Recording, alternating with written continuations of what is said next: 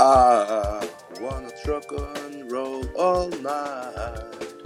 And truck every day. Intro, Leo.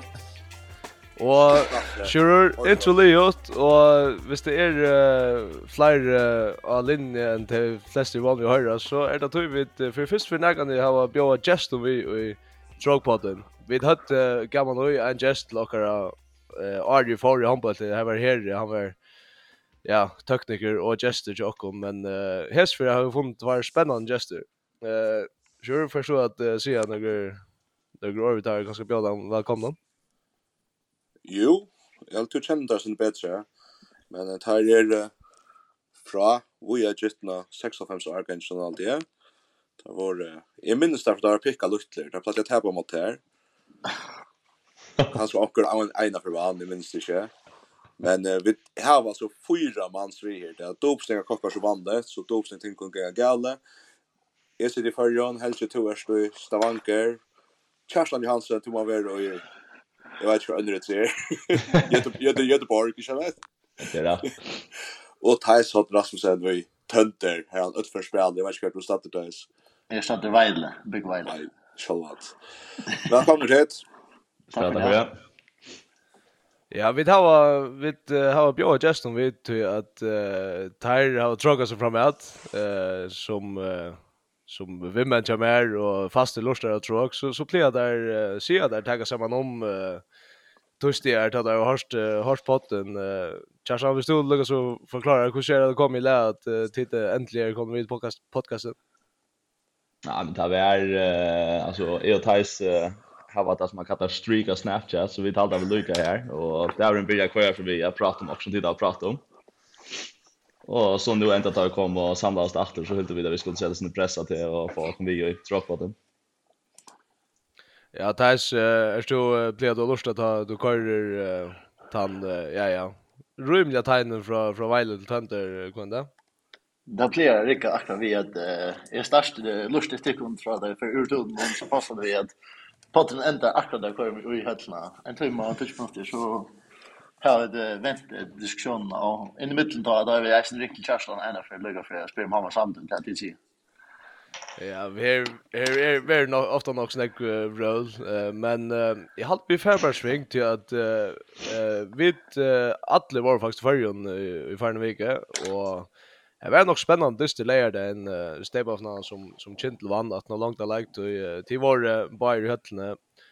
Eh är att är att en av mest uh, spännande kvinnofinalen vi då så länge att Kerstan tog Amerika.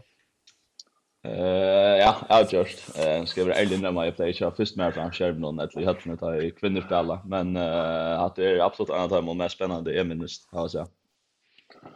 Ja, och vad helt det var uppor vinnare. Ja, så man kommer i extra tid där det syns riktigt att se vad det upp och inte. Eh, att det var två jämnlig och så man säger att ja, alltså uppån vinnaren är något som är främst i två färden så då så ja, det vill det sagt. Ja, det är bara stor mest några dustin som som kanske de flesta inte har har att säga eller hur hur upplevde du dustin? Ja, det alltså det var en äcklig andust eh god dustin, god finala. Ehm det var inte alltså det la bilden är fram alla då så det var inte chakra så nämnt att säga alltså hur kom fram eller hur kunde vinna finalen. men jag hade inte fick en öla gå början på så egna tunna eh ta första läs ner ta rest efter munnen där Jeg ser meg etter til spillet, jeg hadde ikke hatt i prøve å være sånn stående her i färd og i Ekatoy og i Viktion Deston ska Jag också det är så lite tog vi så först kör en två man från om så är det nästan outgjort. Du vet vad jag Ja, alltså det där när kom shotta lite och det var som för för det kastan kan nästa ta och det så framför två mot i två mot tre final ja jag att in så sitter ju ändå vi var ju ja kvar alltså vi shotta lite nu så ja, random. Och att shotta bra spalt livet. Jag minns Helst du spalt ut i finalen mot VF va? Tvärförna ut och broadcast. Det var Nämligen ja. Drog första an drog första finalen hållse. Det var sånt där. Sure. Sure jag skulle lucka för till banan här. Du säger från testen och så vi så Brynje Höj nästan och kvart kvart pratar tid mest om vad var vad var lucka som tas som TikTok från testen.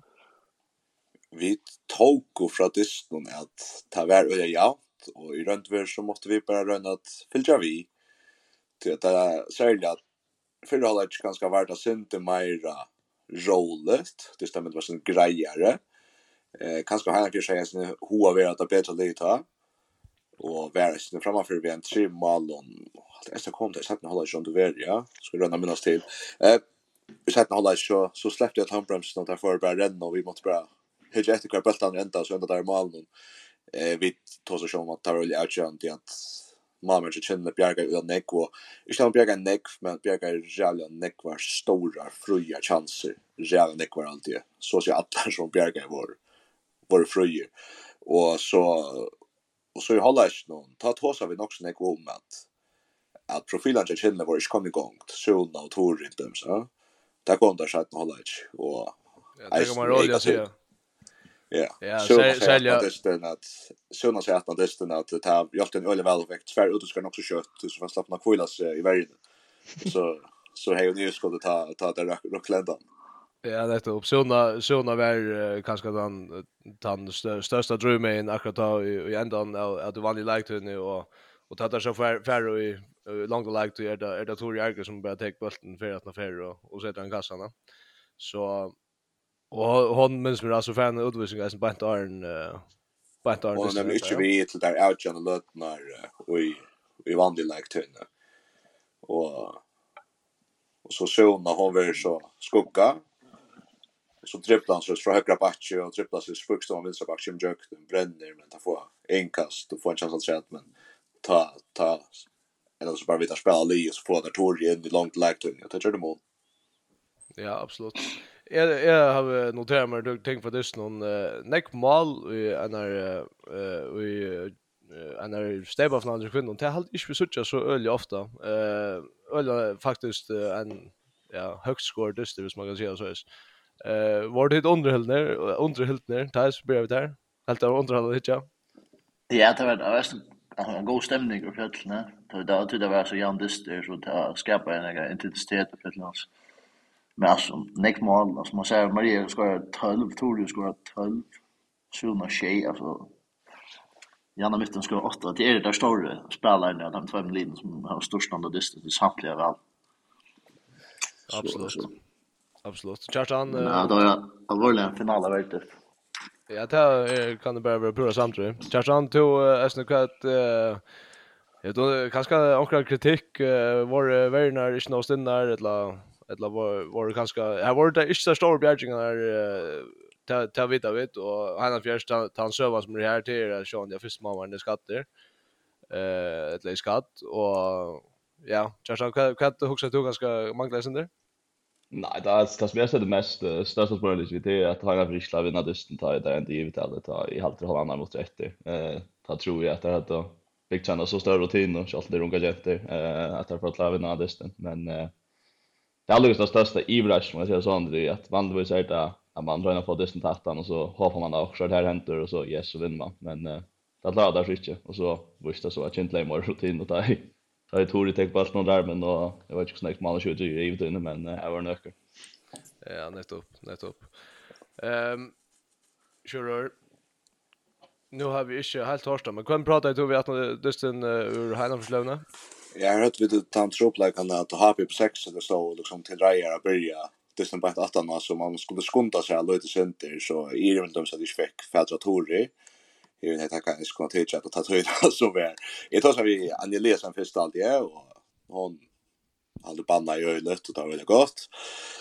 Och så tar så vi tar på på Arlesund Cross där Hansen och det var det var öjliga öjliga glädjer och där man kände det liksom att här här hade känts så som att här var ju undertippa i är och att här hade skulle ha funnit några egna orskor fram och och att här hade gjort en fräcka till och här här här brukte ett flyg att han alltid brukte näka som ästen var fram i Arndest. Jag fast att boja nog så lunch efter att Highland Fish och Chint skulle komma igen i finalen.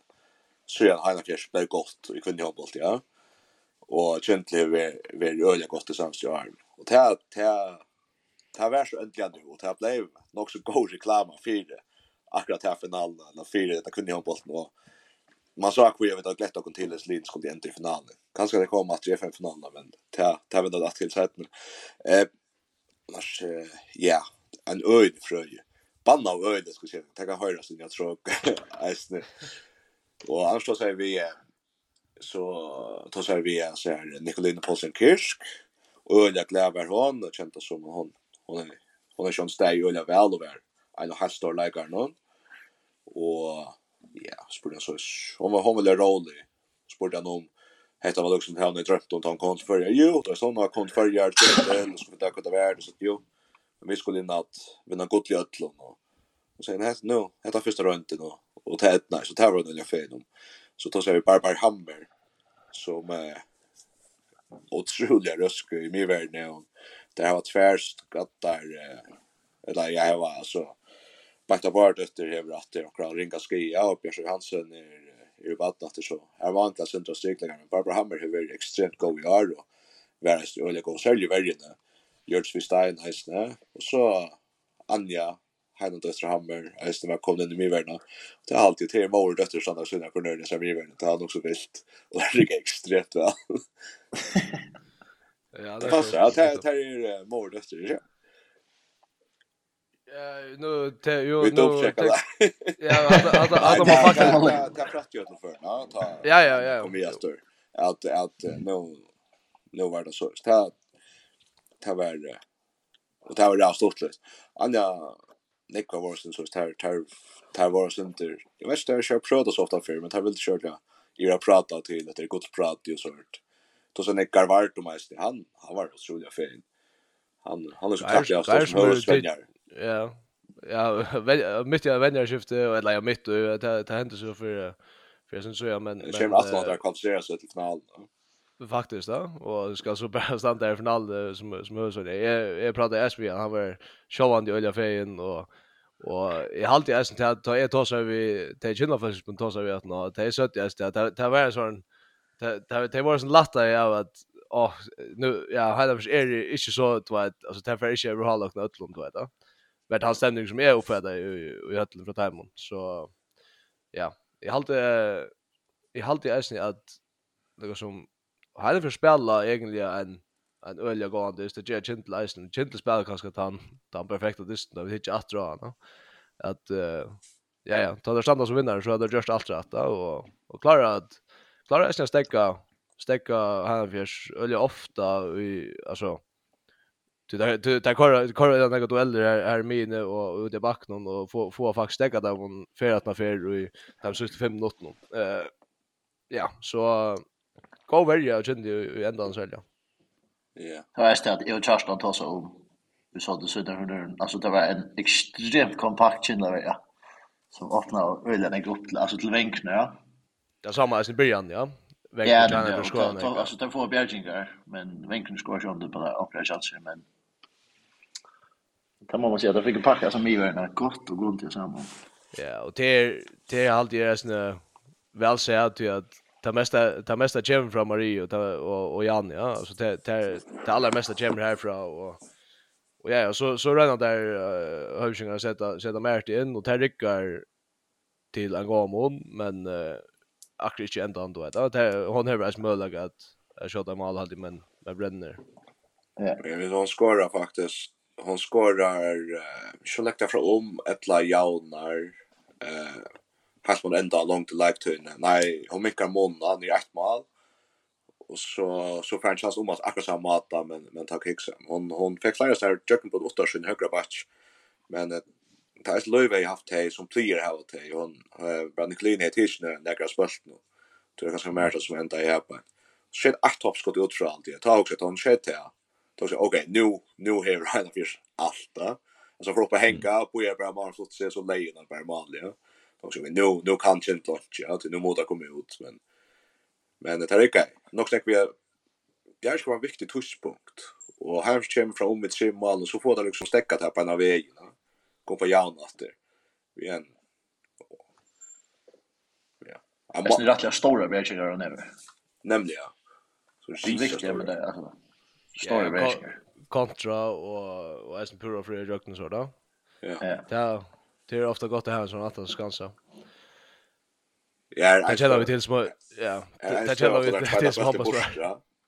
En två här en stöv att ta kjente ska fram fram i shadow loop så det bara en back borster och så för han fram fram pura för men det är lite gargar så så liksom så släpper man känner några fel. Ja, nettopp, nettopp. Annars var det alltid aldrig skärt väl som och så inte fick en stor like och kanske större än haft. Och nu är det stora, stora bjärtskar och i ändan av vanlig like som alltså helter har jag inte in i distan. Ja. Eh tvär för det hans faktiskt jag alltid på för en stage file. Ja, cool. Ja ja, det är det hon hon gjorde gjorde absolut en god figur helt. Det det manglar alltså det som och hela för förr och på i Hollandsna att det är ju där tekniska vittlarna från från Kinde till att ta halta dem sent från skotten va och och ha så där ha så här för sig house några bjärgar så är det framme vi ska stå ner ett 12 ett vi 12 touch Hollandsna vad är det? Nej men det är bara månader 13 12 minuter Ja. Och och det är inte då att att Kinde kunde ha ha bränt så lite men det är ju inte kommer att skott alltså så väljer han väl on 21 fjärdedel. Samtur, samtur. Låt oss få fem så fem så av finalen mellan mellan Havers Gentle i FF finalen. Det är nog stolt där. Det kan väl hända. för att det är ska vi ta att det är så kör för oss fast och spalt ända i 66 i landskapen och så där spalt vunnit vunnit en också största part men ta båda här för så var Hitler kanske inte fullmanna och sälja mankla i mannen och så framvis så. Så det är kvist det. Men eh öliga gott för och kon här att han för chef skill tappt så släppa det vidare till att det har blir bra för det jag vet inte. Nej, det är det är ett första förspel. Du inte vill släppa så finalen och så pratar man om andra linjer för samhället. Ja. Jag vet vad ska jag säga. Är är bara pura paff. Jag visste att det kunde hända. Jag visste inte att det var tid. Nej, nu ska jag helt så istället väl här att att jag tror så vi flyr folk ut där så kanske fylls det mer roll där vi och det var öliga vaskar att han staft till att det liksom blir sövat med att han sig blir så svackliga gott att göra men Brynja säger han det sånt typ av gentleman va Det är brave typ va men gott call. Ja, jag tror hon då. Det är ju det. Vi vi vi förresten tippa sen till ända så är är sändningen så där där glädje dock till vet om vet om Tars Charson eller Lugo och tippar till att Sure, kan du inte att Brynjo har vi tippa? Ja, ja, äntligen. Till, ja, jag är sure, vi det är snägg och tippar har har vi något som visste sånt. Jo, vi för att uh, Fridtjofsen vojar eh mansombolsen har Sean Lee Stittler i en av veckan så är i i fel felon om med en landslinje har vi utspalt spalt eh det har varit eh enkel duster nästen och kintel eh, spalt eh, ja dusten om hemma hemma av alla firmon eh, nere i spel och det sånt där du vet skulle spela hals men ska nästan starta först eller kintel då då ja ska inte det ja ska inte ja. Eh det blir augusti Tibar, Thais, Joshua, Tibar, Rukti, ja? Det var vitt. Det enda vi blir en uh, nok så spennende dyst, eller en øyelig spennende dyst i så. Ja, nesten er i muligheten for at uh, for skåret alt sørst der, men uh, tar godt sen, han lukker jeg Ja, tar det som... Han står alt sen, nok.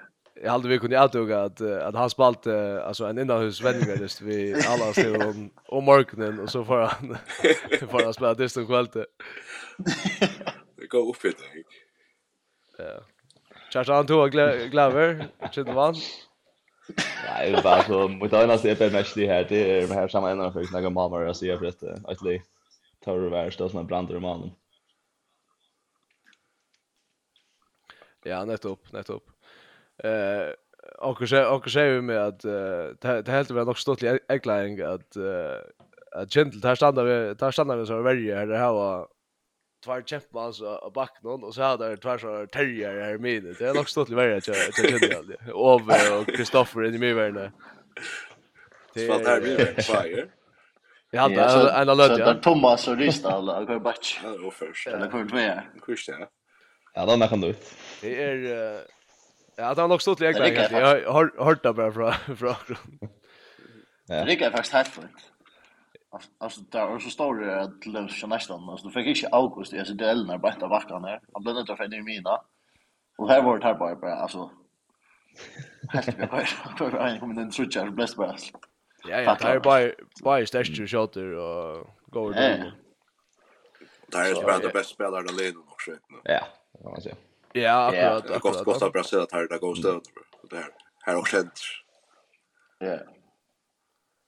Jo, ja, ehm vi för att flytta och när lösen vi är det här har varit dyster och i och i jag säger HM under kampen som där för ska alla sli här skulle vara vi ju efter Atlant men Charles att störst parti. Och det var också nu nu är det nu är det så dyster mot Tyskland. Vi får lycka hitcha efter några till dem slut någon. Eh Slovenia vinner mot Italia. Det är man kanske kunna vanta. Eh och så var det Det är grejt i mot första dist. Ja, första dist ända bara ett mål om månaden. Slovenia vinner en och så så vinner där vi Shea eh nästa dist eh, Slovenia och så. Så var det en distri här som jag skulle ta fætru, och han er her til Israel och Litava. Israel skulle ha så spalt seg mot Litava och Balsinska han sköt ett mål han kom till han fick 12 mål ja det nu men jag hur ska skulle som möta Ungern och och och så där final i omfärden till att släppa till HM.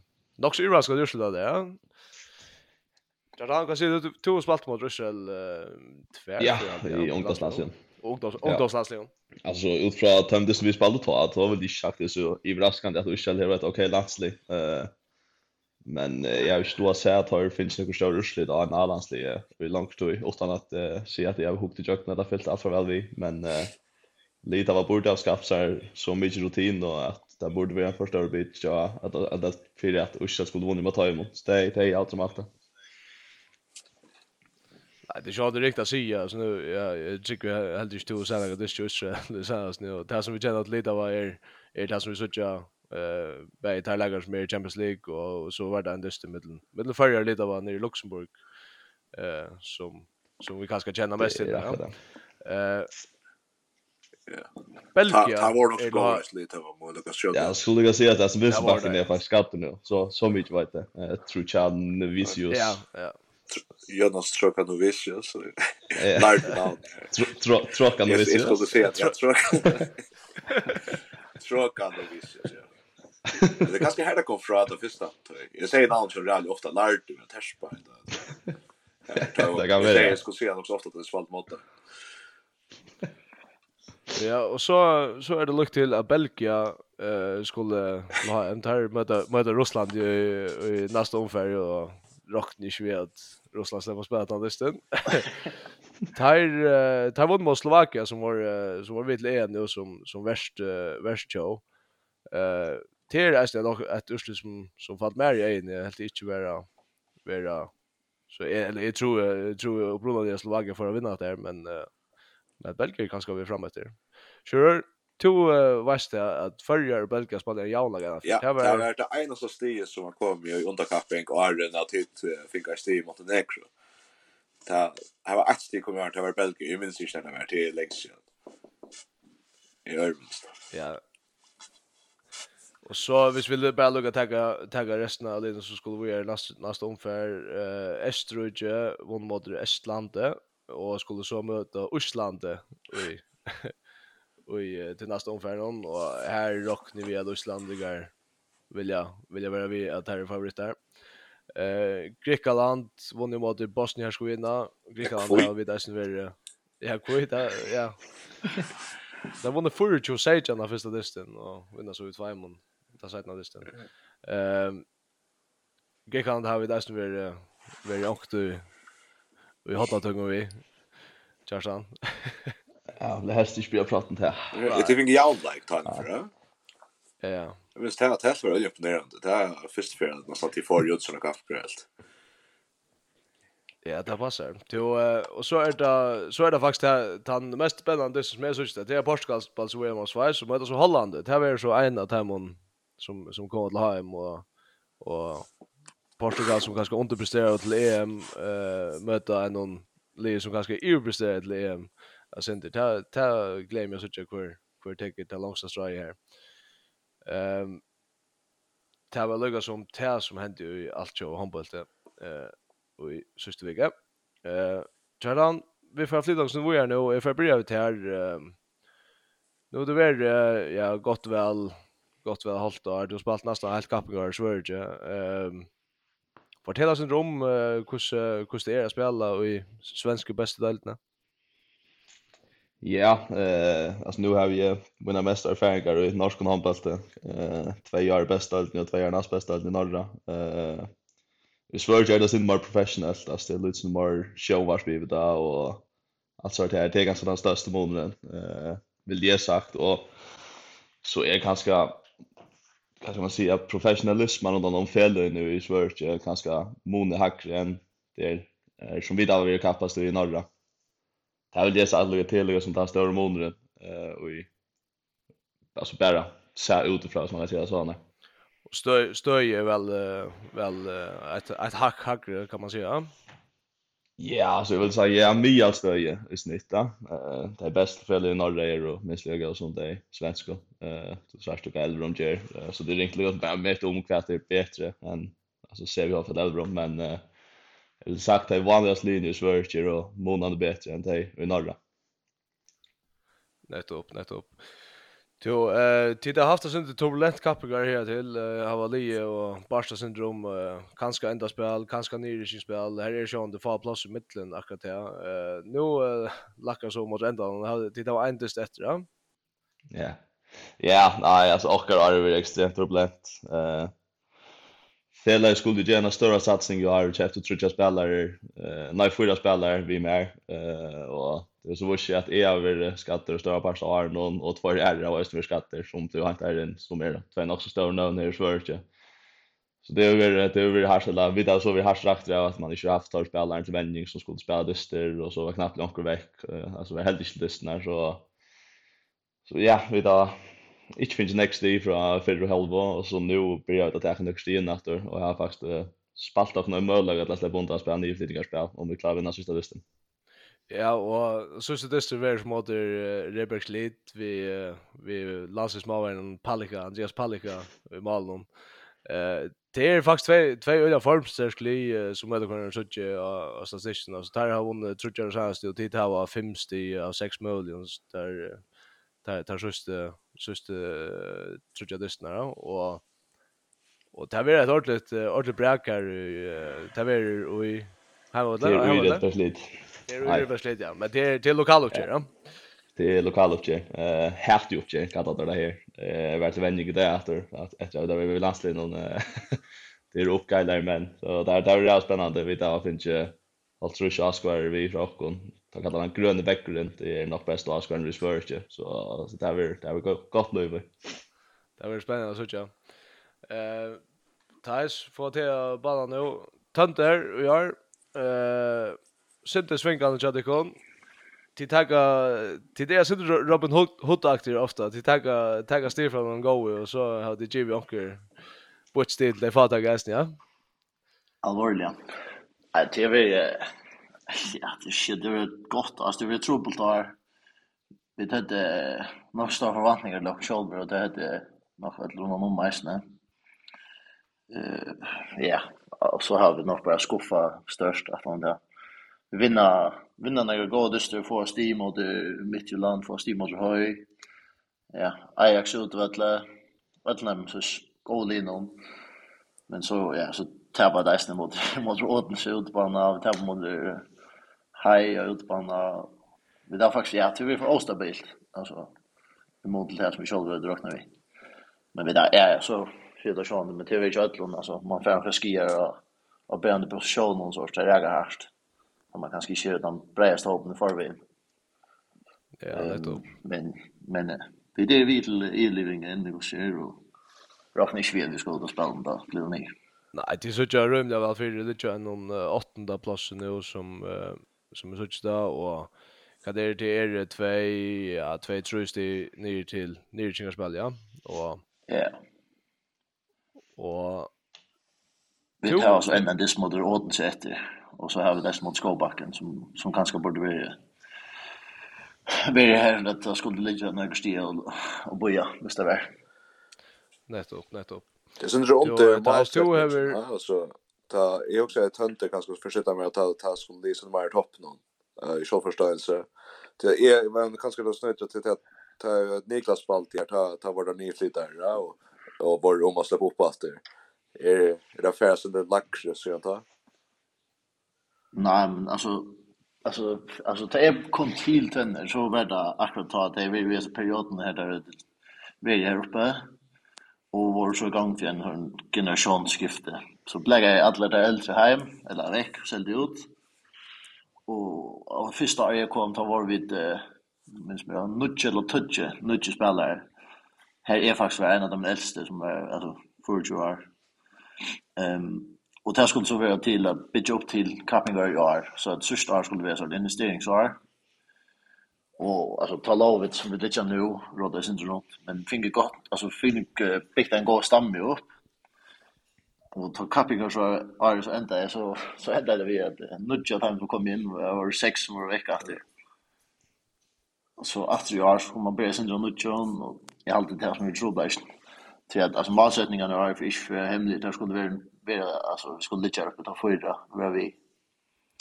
Och då sa jag sen gott ut det här var alltså toppscorern delten och vi har alltså ett gott liv men och vann och vann mot. Det var faktiskt en stor rest. Ja, jag kan se det till titta och tycka att det är rött styr mot de stora som alltså som krävs för att för att ligga i toppen och Ja, alltså Men det är för ostabilt. Alltså. Ja, nästa upp. Tappa bukta hemma det styr. Det är faktiskt väldigt eländigt hemma det gör. Det slash vi här som man huxar. Det skulle vara liksom alltså fast blir härta kommer klönner spela till det för lön höll och god stämning alltid för hemma men till det slash blir till oss så som vi hoppas på att det skulle vara. Ja, jag har spalt.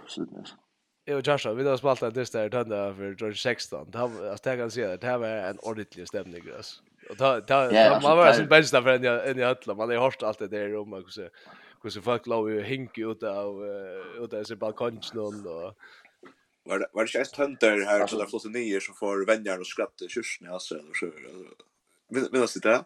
Han han han blev så ytterligt avvarad att han skrattade t-shirts just här. Men men det är vänner som måste. Men så är omöjligt att det var så antar jag. Ja. Tedde vant att ta var det sånt där det syns så. Ja, man ska få. Ja, det är.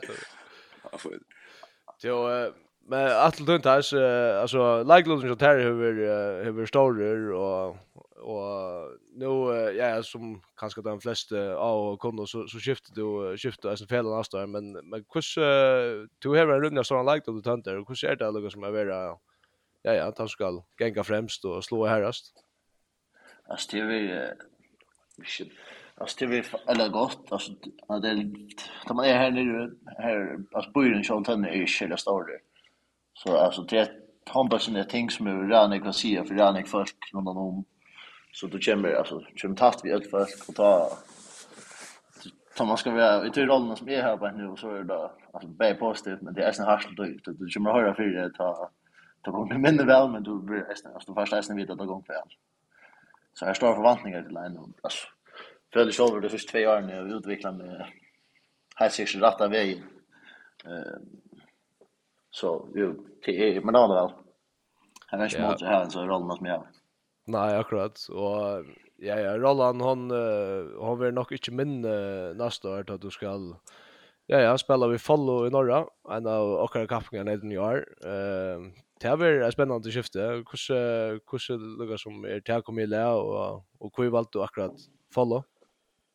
Eh, det kom faktiskt att och ett litet spalt hemma och i januari spalt mot Italien och alla Disney eh ta komma center och mer som mer att han så lastis när så tar sig vi vänner i hem Lucas Karlsson om kan det vara för fel och hur ambitioner det att hur roll är eventuellt kunde få. Och att han vet du pratar några fel så så jag är det som om som som var rätt skifte för mig akkurat nu och hur ser ehm pröva några nytt vill tror jag Danmark nu. Ehm ja. En ny utfordring där prøve framme. Ja, nettopp. Nu känner jag sen det alltså inte fall här här från norra och det är alltid att uh, att det är fel som som uh, satsar och tar hava eller går omstöver och som du säger Lucas Karlsson han är ju inte några okänd med i i Hampus omkring om i Danmark och norra och Sverige. Så så det är det är helt säkert helt säkert gott och ja kanske så så vara där i uppre uppre spel nästan. Möjligt, ja. Jag har sagt lite att du ska ladda där för att säga två steg mot dig.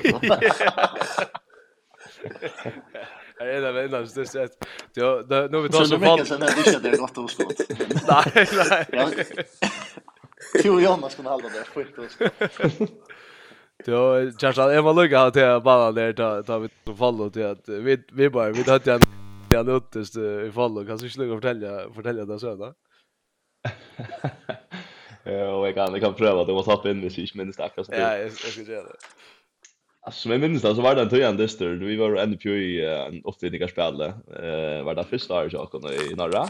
Ja. Nej, jo, första året. Ja.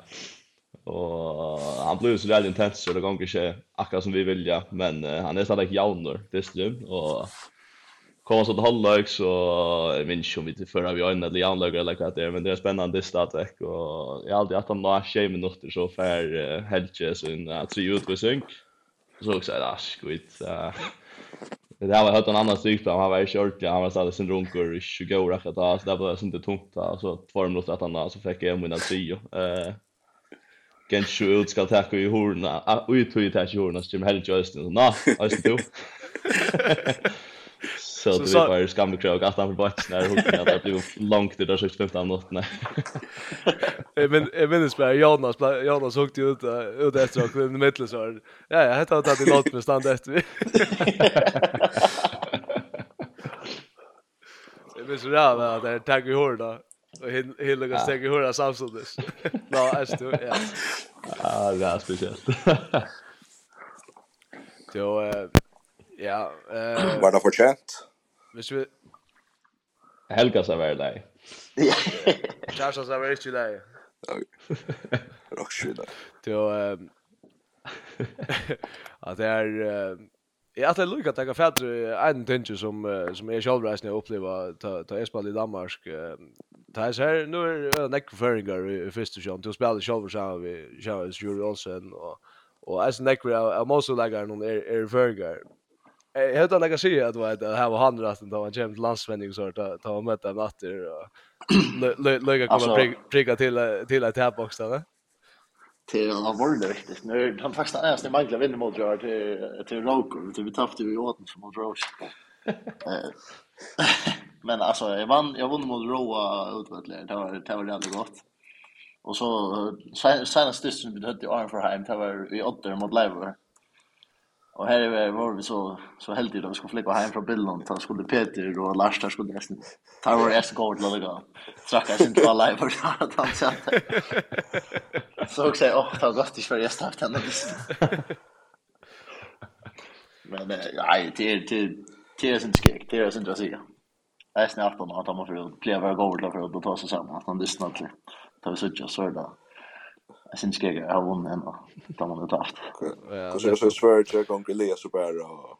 Och han trackar Kärsta.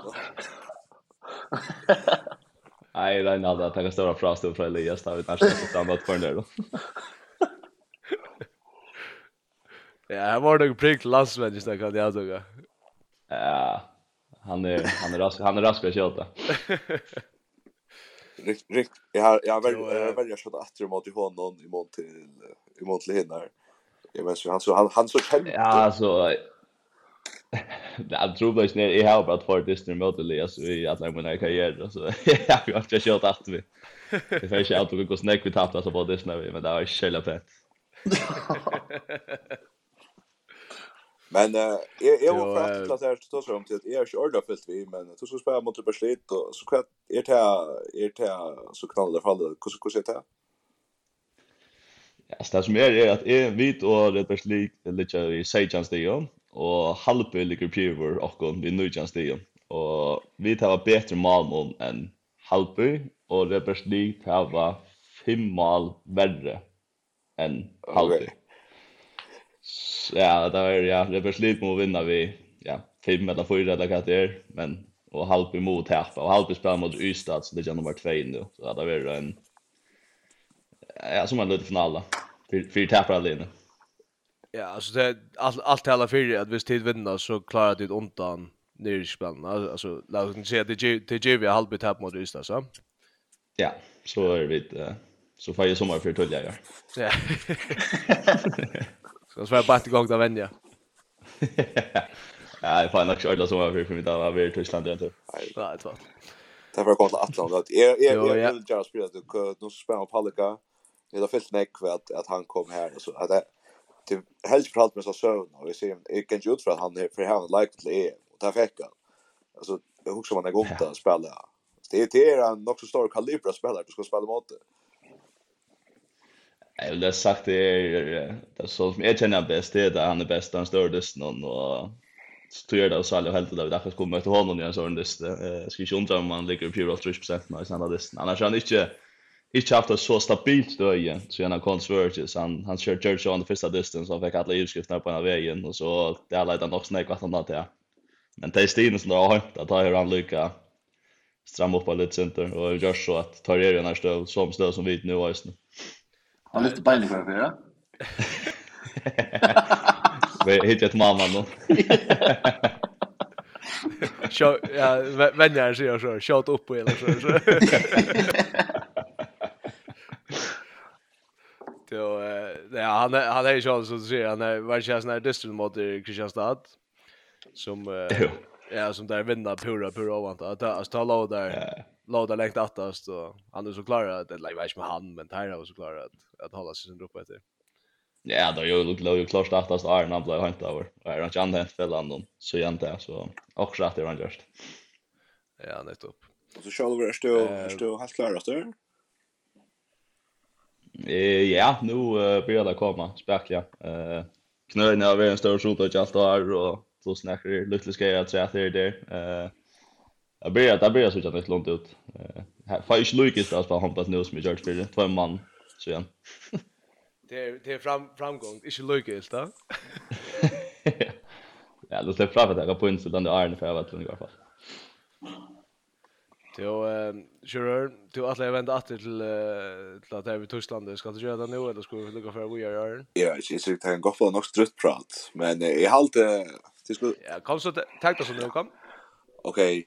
Thais, Kjarstan og Helge. Du spør om Tyskland. Er det her goer? Thais, hva sier du? Ja. stort og greit. Ja, det er jævla. Ja, det er jævla. Jeg møtte opp til EM i sånn fast ju örn Bundesliga så tar 19 slankar körs han va? Nej, alltså det är det har vi sagt Arjen att alltså hvis man näkan det skulle inte så finns i Tyskland så vill det vi nu eh hukt fra att de senaste 20 åren men det är stadigt ett ett topp topp topp landslag så det det är ju man vill inte må göra så när Jag tror att det ta ta där ja för det första att det kommer rapporten och att det så visst det visst det klart för Ryssland så då Tyskland. Också det är det har yes för att de borde på Nej, jag måste säga elden när man tar så kvita och snackar fram. andra också, ja. Ja. Fuck. Att det var att det var surt. Så lukar som på lycka ett som är med och ligger nere så trappa då lukar som det gick och då så att tuschnan visste klara. Sen så kör man mot kvita och stannar. Ja. Det är nog Också också Nej, det var en cool distur. Jag ska att jag ska att det blir allvarligt att komma högt upp i mitten utan att kan löpa för på att nu så här resten av familjen om har spalt i sparkas när det är ja, akkurat, helst hver, hver som helst i spel, det er heimvatten Shaquille, kjenner jeg ut. Akkurat. Thais, hva er egentlig mest til at uh, verje måte? Alltså, jag har faktiskt några minnen från att vi spelade ju en landsland mot Tyskland. Alltså, jag har helt, jag har helt i golvet först. Det var, Och han är inte en större så igen. Jag är inte en större så igen. Han är benchen. Han är benchen. Han mycket. Han är bara myckar. Ja, grejer lika att tjöka fra om det är svita. Jag ser Johan skolla, han är tilltidigt bra i sticksbärs. Det är nog en dronke på 25 år som är på stöd vid ett amerikansk kölskap i fem år. Han är jättestor. Ett ordentligt fysiskt praktikexemplar vill man ha kallat han. Och så är han bara en av hemsens bästa strykspärren. Och det vill jag säga syndromet. Man lyssnar ju av tyska landslagen som för mycket år gammal Ta, ta man gör det. sig. Tyska landslagen som är mest också nick och strykspelare väljer mittlen. Nu vet nu går man och vinner check given så där men Ah ja. Goldbacker, Pekeler. Goldbacker, Är det är det här Men jag också till att ta stycken hemma och jag podcast hos Akras hem om Thais och Helga och så där. Alltså bestämmer bestämmer nämna om mig och Helge under fysisk praktik som bara för att vi vill och se. Men jag sa att ni hade är spirit kan också inte om hur det var Algeria så det var ju vi så jag tänkte det är lustigt vad som mest var spaldet från det ena var arbets. Men det är det som att tusta han sa och är är tänja hamra att det är så och räkna nöjver alltså inte kan det passa? Ja, eh nu är det så länge sedan men uh, min särskilt att vi uh, vi spalt en räga av dist och helt själva vi uh, spalt och spalt och omtla vinna dist mot ända någon men uh, jag vet inte så så för vi kanske blir som trötter och börjar skifta lite som du ut och så checkade inte inte så jävla väl då så stod tog något nej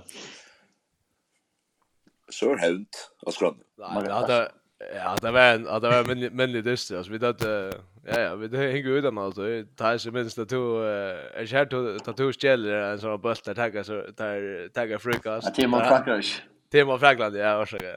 Det är ju så Men vad fan, ta mot Tyskland, det får jag blev straff. Ja, ja. Det passar, ja. Ja, det passar.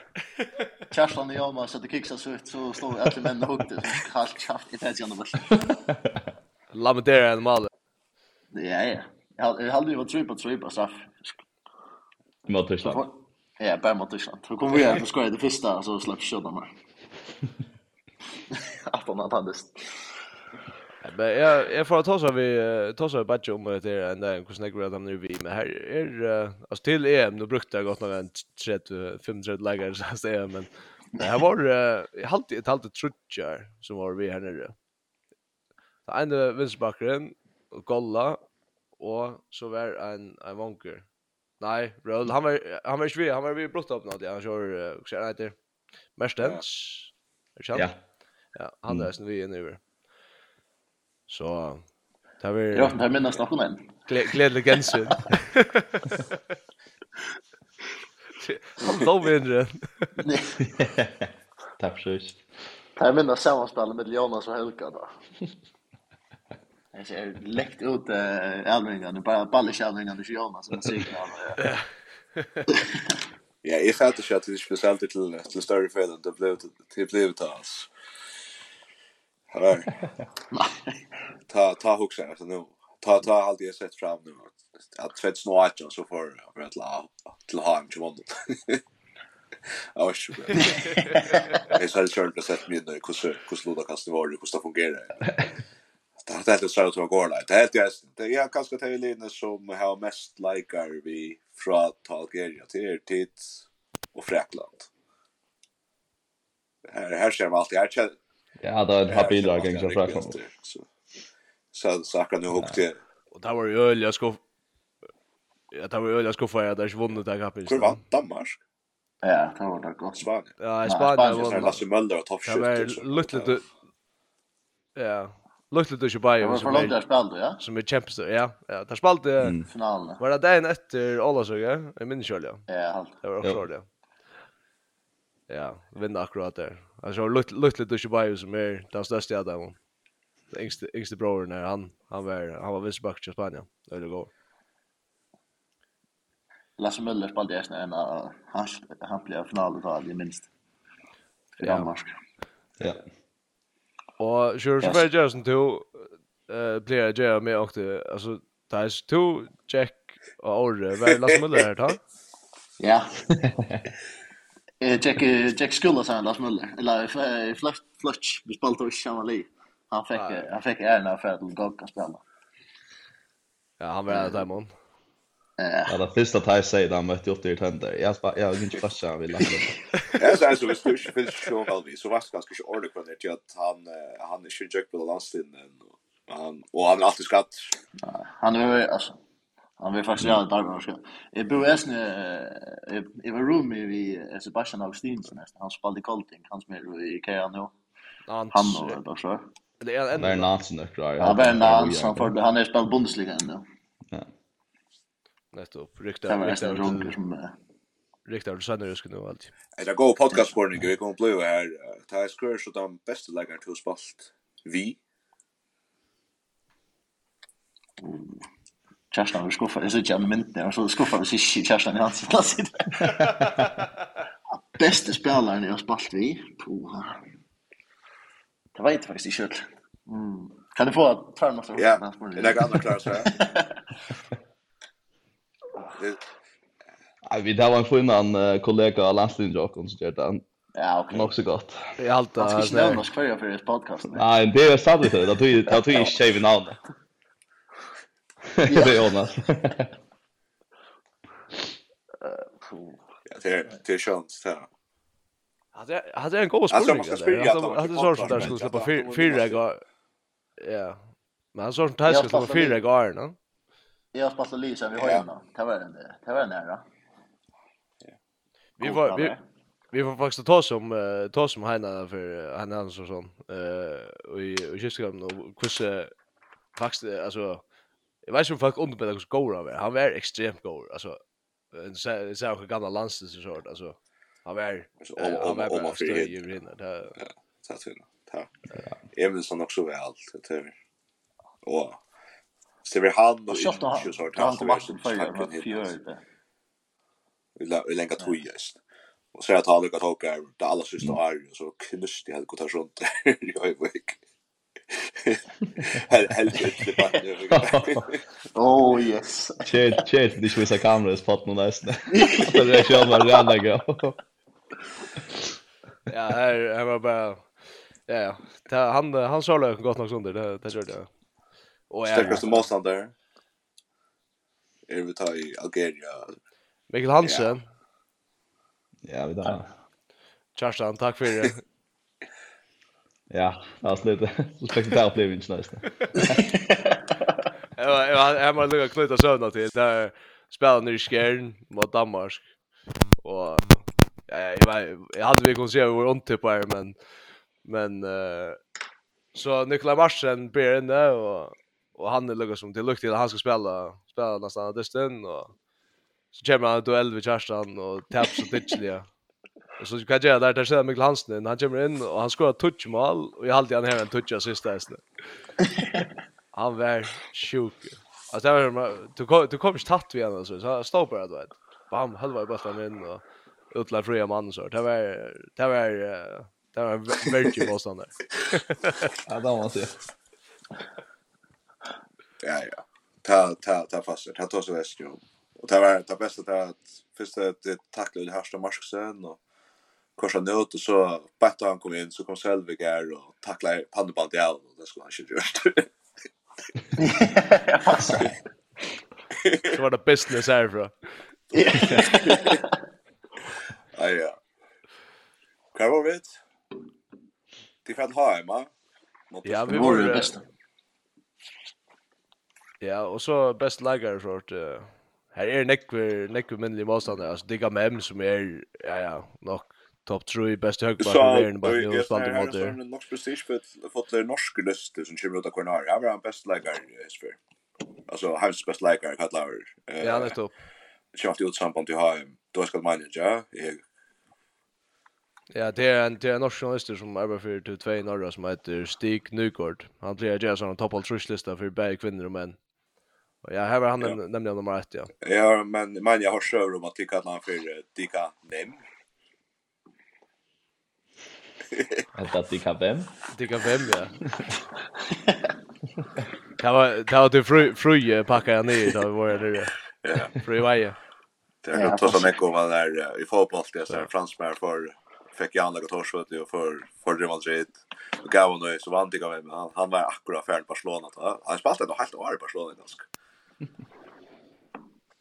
Jag halte det. Han har ju spalt ett år och så högre var kanske dem när jag akkurat skulle undra. Ja, han var stor. Han var stor stor stor. Lens. Och då sen är god man till skulle spela mot dem. Jag har funnit det. Lars is vunt. Det var näst för. Näst för det så där. Det är allt det samma det. Näst för. Det var näst för. Då Kör nu eh för vi då lackar mot ända ner. Jag husar lägga få så här vi männer kommer och livfällar och landstingen att tippa center fram och mot en spännande semifinal i omfärre. Vi har alltid vi tagga Burndaltna så det är ju allt för allt för drött. Uh, ja. Hvis vi tagga först kanske kanske det latta. Eller att latta ja. Ja. Han har förstått Klaxvik skulle spela semifinal mot Grönland. Eh Kjartan? Ja, eh uh... Nu kan man väl säga att han är för sig nog så gröj favoriter han den dess här. Eh är bara hoppe och kanske kanske väl den ösna ting lax för klara attacka. Tacka en syra hemma utle mot hörna fjärs. Eh men eh men det är så ösna det bästa att klara på borsur då. Här gick det ena försvinner nog så lättliga i alla fall av dessa. Ja, den lax är som kanske onkel vet att Alina som har vunnit mot Hanna för. Det vunnit ju i Höjvik. Eh det samma här var VF just. Och där är skväl vad du det samma, vad du det var latt så Ja, jag vet att alltså Ola och Paula och kompani. Ja, alltså i latt kan man skeda vid en sån någon men det här är nog skra grej för det där, det vill jag sagt. Men som Kerstin säger så är det alltså helt över skeg för för för kappingen det vi stödde vunnit hemma vet lite i Klaxvik. Och för handbollen Klaxvik, det det är väl Helt sikkert. Jag tycker jag tycker vi är Chamanon och Finnon semifinalen. Ja, jag tycker vi har väl chaft ta. Ja, det var faktiskt det är mycket kväll så klockan halv Shay så spelar Hamsten Klaxo i Pattenhötland. Och så klockan 8 till alltså jag vill se att det som tar en timme 20 minuter. Ska skunda sig här i Rikaja till när det sätter ni hela fjärs. Och så för logga like så missar man det. Så blir det stream så där kan jag. tror för det här blev ju en extra vecka. Så det är gear spot på oss. Så här.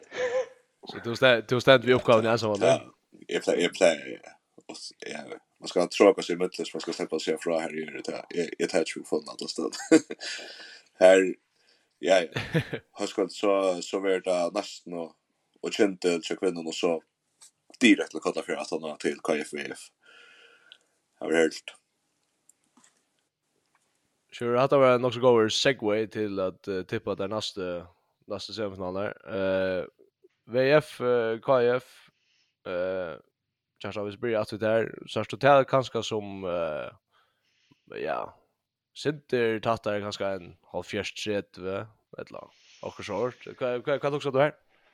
Ja, så här är här jag vill säga här är mer spännande grom. Eh uh, kanske man syns större över så om kvar hver sterskare eller hver sterskare i en semifinal. Det är så en sniv om att KF hur sterskare jag är. Fast nog kan det bli bara 60 månader men jag vill det se KF som är sterskare li.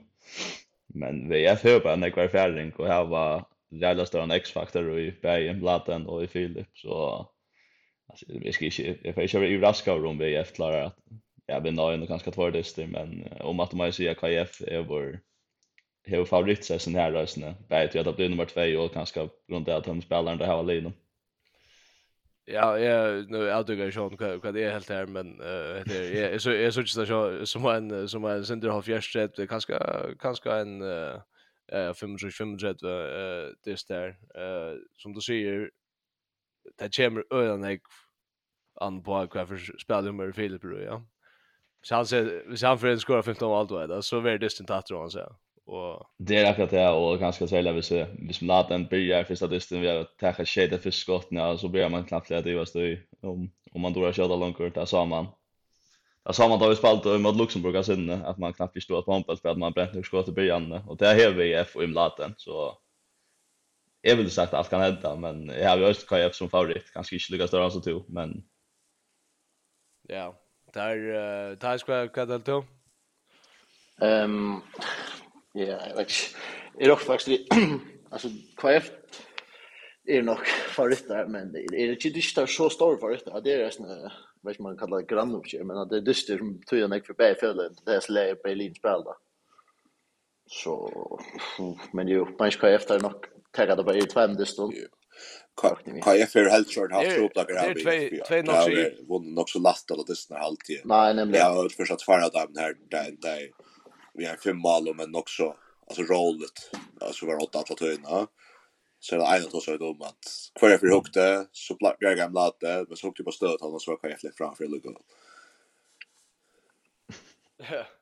Men men att det är alltså vi ska ju klara att sätta tempo ner som du ofta gör där. Vi har gänga bulten sen drop och då har få tempo ner dysten så är det så är det den här dysten jag jag vi skulle ha en också ja ja neck mål och en shot this för för det som får oss spelgång. Allje eh så inte ofta jag sa han tog ett på i studier för VF till allt det sådana kamikaze det här här Berlin renna och det är liksom 50-50 går för att vinna det är det att tappt jag tvär bjärsingar så är det så är fyra mål hin med eller fyra mål ta en av en så det var det var spännande vet du jag hade två också imensli ja. KF öljad var fysiker då väl att träcka tempo gör som är sådär där.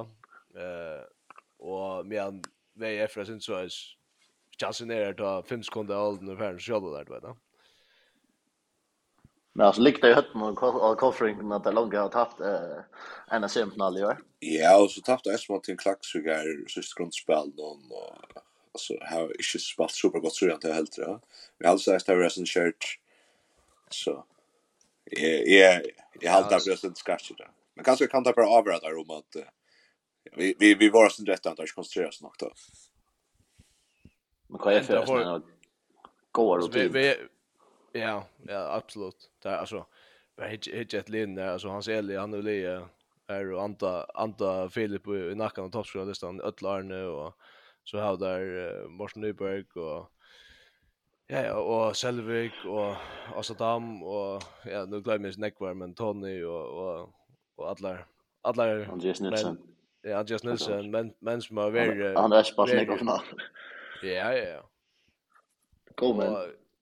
Ja, sure det är släkt för att det var en av en av dem första potten jag har vid nej ja, nej det är väldigt ta synd i kapkar. Andreas Nilsson blir efter KF och Det var kanskje, jeg synes, sette sin trafere og KF, at att han kom in och gav gav faktiskt en sidra en X-faktor och högra backen där. Ja, han just det. Jag har David Edersen. och Ja, han just det första. Han kommer också in och kör jag så här power och just där bara boltrar till och så ja. Så det är uttrycket som var från Janotsen till till till tätet kjem fram här så gott lär ni det kan det kalla det så kan man ganska samarbeta sig inte vi alltså kvinnofinalen här VF lukar som kintel till kvinnan du på två trudja spelare att göra några större och goda prestationer och medan KF ganska kan du på mera brött och att det är flera spelare som bjöd in. Ja, det står upp, ja. Tog ju också att, att det, är, kan bli väldigt spännande tog jag VF Hevre så det X-Factor-spelare som kommer och ganska synd synda mer än de flesta i förskotalterna. Vi sa att VF i fjör spelar så jag valde upp i FM-enda spel. Alltså det här ta kom fra katastrofala stävkappinga här här där är snitt av ta för touch mot sjön kan det vara jag syns inte det var det var men brott jag så blev där jävlar där det går det kan alltid hända ja. Ja. Eh, jag får lugga säga att att uh, hvis VF inte börjar 5-1 mot KF så blir det ju vad ska. Ja, så så är nästa nästa gång vi står står av några.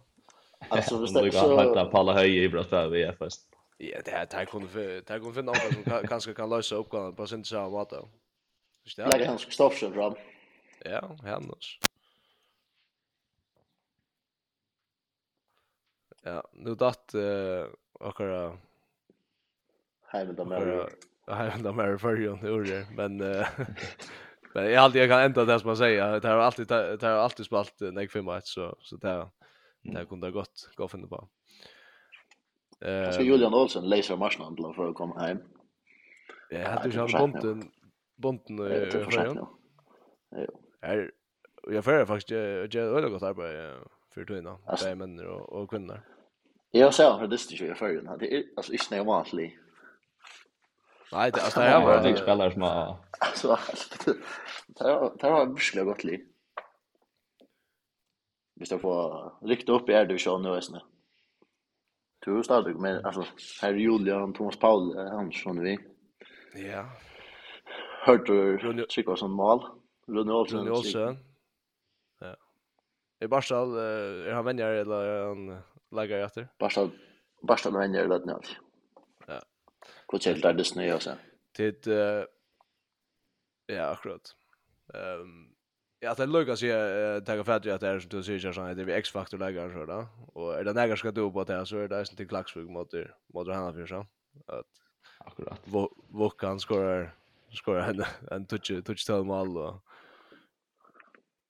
och en en fem minutes på. Det är jag vet inte, heter att till klaxvig gör så Ehm ja, nu alltså jag ser att det har spelat med det ju just så snackar läser det strax rätt. Eh, på hela matchen nu där har spelat och med det syr efter landslagspausen i januari då i Heine Lucas med TG att han har stävat upp inchna eh är därför att spela tjej mot eh det är jag spelar alla väl till klax så mycket spel när han säger shot on hoppas förvägen och ger det att det faktiskt kunde gänga bollen upp något snack och bruka I'm not per all upp till att spela då tar de på att skjuta ner på Valentin och sälja bok komma bort några skott.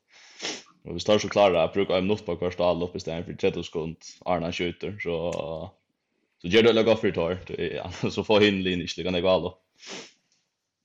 Nej, nettopp och och är du du kan spela så smalt att att du nöjs skifta det ut då. Nämligen.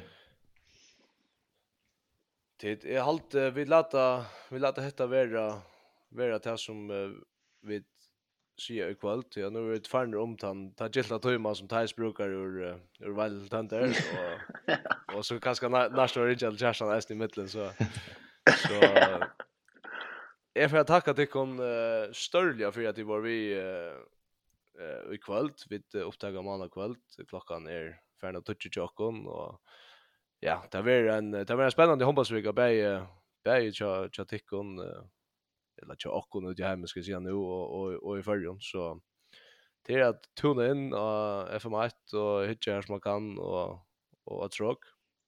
Punkt med för. Jag brukar tråk kosten. Tråk kosten. Ja för det det ska uppdateras nästa nästa. Jag får man får bli om hjälp till det. Kan det inte pricka så sättas. Näck, man helt helt ner till Fräklands och och så där. Det var Och äntligen en en av chat eller en i norra som inte kört av anker. Där man finna finna finna där kvar kvar det ligger. Shot mig away. Så man finner där chat som ska spela nästa år. Det är det. Om han skal ska sätta starta i norra. Lägger vi lägger vi från. Det är där nästa släpper på. Ta ta break av it. No. Till torsdag för att du var vi och vi tråkast och är så häpna. Det släpper så inte Nikolaj så jag vi gratis. Vi gleder oss mest til å sitte til. Bye bye. Bye.